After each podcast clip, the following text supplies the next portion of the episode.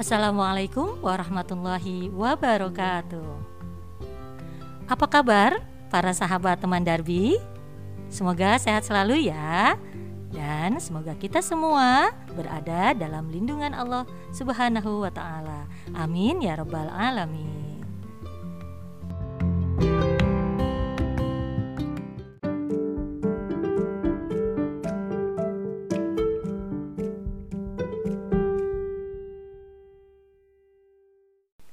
Ya, para sahabat teman Darbi, coba sebelumnya saya mau tanya dulu nih, siapa di antara teman-teman semua yang ingin memiliki generasi keturunan para penghafal Al-Quran? Yap, wah semuanya sama dong seperti saya ya. Alhamdulillah. Nah, seperti yang kita ketahui bersama bahwa untuk meraih cita-cita atau harapan tersebut tentunya kita punya banyak tantangan ya karena harus melalui beberapa proses nih terlebih dahulu dan lebih baik lagi jika dimulai sejak dini. Hari ini saya Bunda Mimim akan berbagi nih beberapa tips kepada sahabat teman Darbi semua yaitu cara mendampingi Ananda menghafal Al-Quran. Apa saja sih tipsnya? Yuk simak sama-sama ya.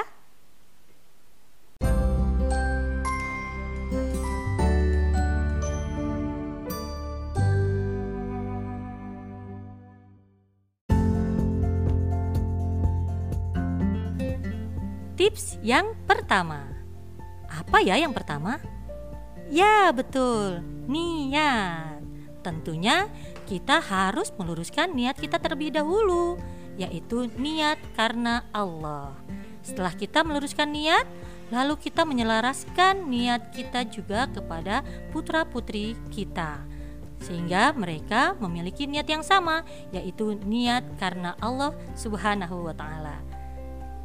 Sahabat teman Darbi juga dapat menyampaikan keutamaan menghafal Al-Qur'an banyak sekali keutamaan menghafal Al-Quran. Salah satunya yaitu menurut hadis riwayat Tirmizi. Rasulullah Shallallahu Alaihi Wasallam bersabda bahwa kelak di hari kiamat para penghafal Al-Quran akan disematkan mahkota di kepalanya lalu dipakaikan jubah kemuliaan oleh Allah Subhanahu wa taala. Nah, nanti sahabat teman Darbi dapat menyampaikan kepada putra-putrinya tentunya dengan bahasa yang menarik dan mudah dicerna, yang mudah difahami dan yang dapat menimbulkan semangat atau giroh mereka dalam menghafal Al-Qur'an.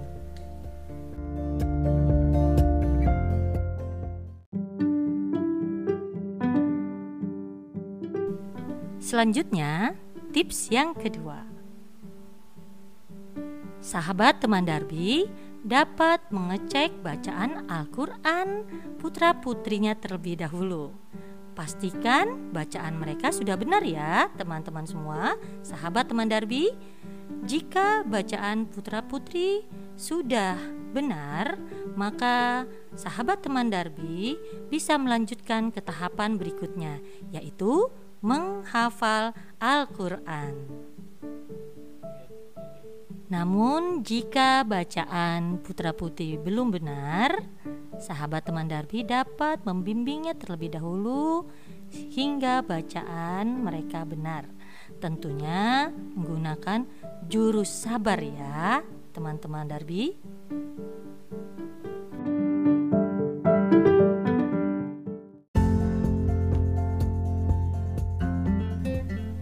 Sekarang beranjak kepada tips yang ketiga nih teman-teman Darbi ya. Yang ketiga adalah kenali gaya belajar Ananda. Gaya belajar ada dua nih. Yang pertama mendengar, yang kedua melihat. Jika putra putri gaya belajarnya itu mendengar, teman-teman Darbi bisa memperdengarkan kepada mereka bacaan murotal Al-Quran, baik di rumah maupun di sedang dalam perjalanan yaitu di dalam mobil ya. Jadi biasakan mereka mendengar merotal Al-Qur'an. Dan jika gaya belajar putra-putri teman Darbi yaitu melihat, teman-teman Darbi dapat memberikan tipsnya yaitu pertama membacakan dulu surat, kemudian mereka menyimak. Setelah itu, teman-teman Darbi dapat memberikan gambaran kisah dari surat yang dibacakan tersebut. Nah, jadi biarkan mereka bermain dengan visual mereka. Mereka membayangkan surat yang dibaca dengan kisahnya. Itu gaya belajar yang kedua.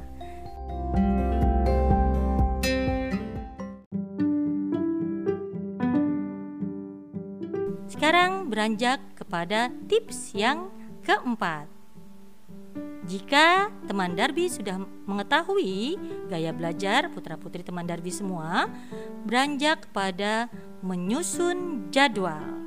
Jadi teman Darbi buat kesepakatan dulu nih dengan putra-putri semua bahwa kapan ya baiknya kita menghafal Quran?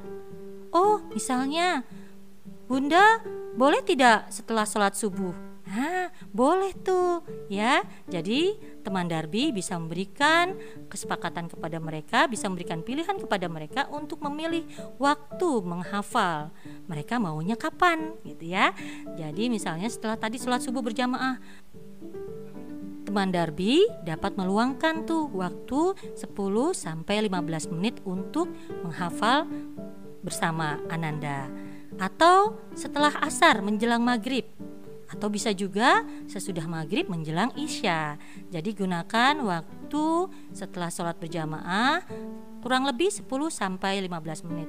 Tentunya teman Darbi bisa mendesain tempat atau kondisi menghafal yang menyenangkan tentunya, tidak membosankan.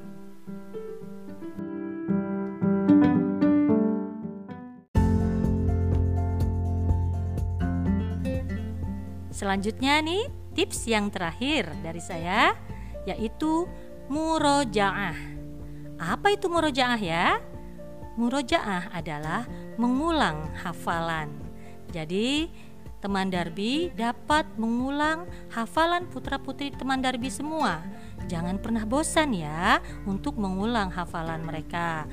Tapi di saat mereka sedang mengulang hafalan, teman Darbi cukup mendengarnya saja. Jika ada kesalahan atau lupa ayat, teman Darbi bisa mencatatnya. Jadi tidak langsung memotong atau menyetop hafalan putra-putri teman Darbi semua. Tunggu sampai mereka selesai menghafal atau menyelesaikan bacaannya. Kalau sudah selesai, baru teman Darbi bisa sampaikan jika ada kesalahan atau kelewat ayat gitu ya teman Darbi semua itu saja tips dari saya Bunda Mimim hari ini semoga bermanfaat dan menginspirasi kita semua sehingga kita memiliki generasi penghafal Al-Quran. Ilalika di tips-tips berikutnya. Assalamualaikum warahmatullahi wabarakatuh